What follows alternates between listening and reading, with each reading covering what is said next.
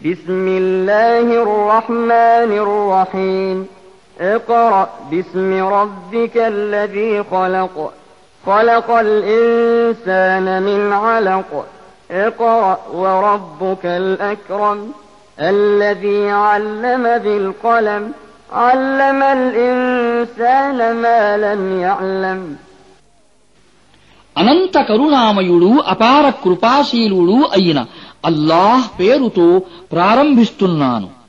ఓ ప్రవక్త పఠించు.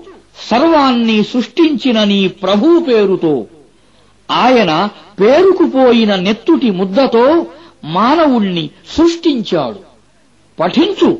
నీ ప్రభువు పరమదయాళువు. ఆయన కలం ద్వారా జ్ఞానం నేర్పాడు. మనిషి ఎరుగని జ్ఞానాన్ని అతనికి ప్రసాదించాడు.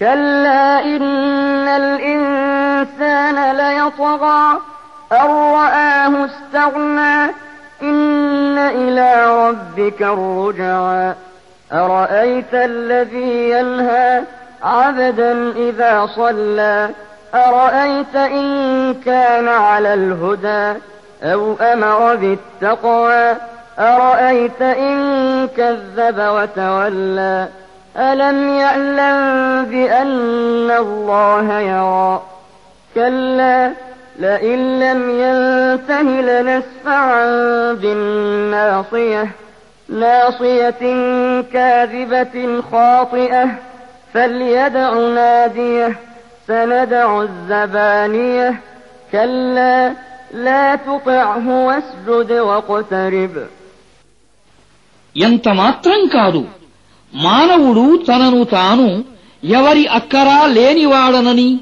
సర్వస్వతంత్రుడనని మితిమీరి ప్రవర్తిస్తున్నాడు. అయితే చివరికి అందరూ నీ ప్రభువు వైపునకే తప్పనిసరిగా మరలిపోవలసి ఉంటుంది. ఒక దాసుడు నమాజు చేస్తుంటే అతనిని నిరోధించే వ్యక్తిని నీవు చూశావా? ఒకవేళ ఆ దాసుడు రుజుమార్గంలో ఉంటే లేదా భయభక్తులను బోధిస్తూ ఉంటే అప్పుడు నీ అభిప్రాయం ఏమిటి? ఒకవేళ నిరోధిస్తున్న ఈ వ్యక్తి సత్యాన్ని తిరస్కరిస్తుంటే దాని నుండి విముఖుడవుతుంటే అప్పుడు నీ అభిప్రాయం ఏమిటి? అల్లాహ్ చూస్తున్నాడనే విషయం అతనికి తెలియదా? అలా ఎంతమాత్రం జరగదు.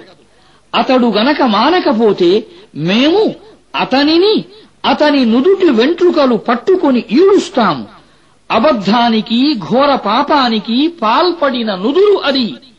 అతడు తన మద్దతుదారుల మూకను పిలుచుకోమను. మేము కూడా మా శిక్షించే దూతలను పిలుచుకుంటాము. ఎంత మాత్రం కాదు అతని మాటలు వినకు. సజదా చెయ్యి నీ ప్రభువు సాన్నిధ్యాన్ని పొందు.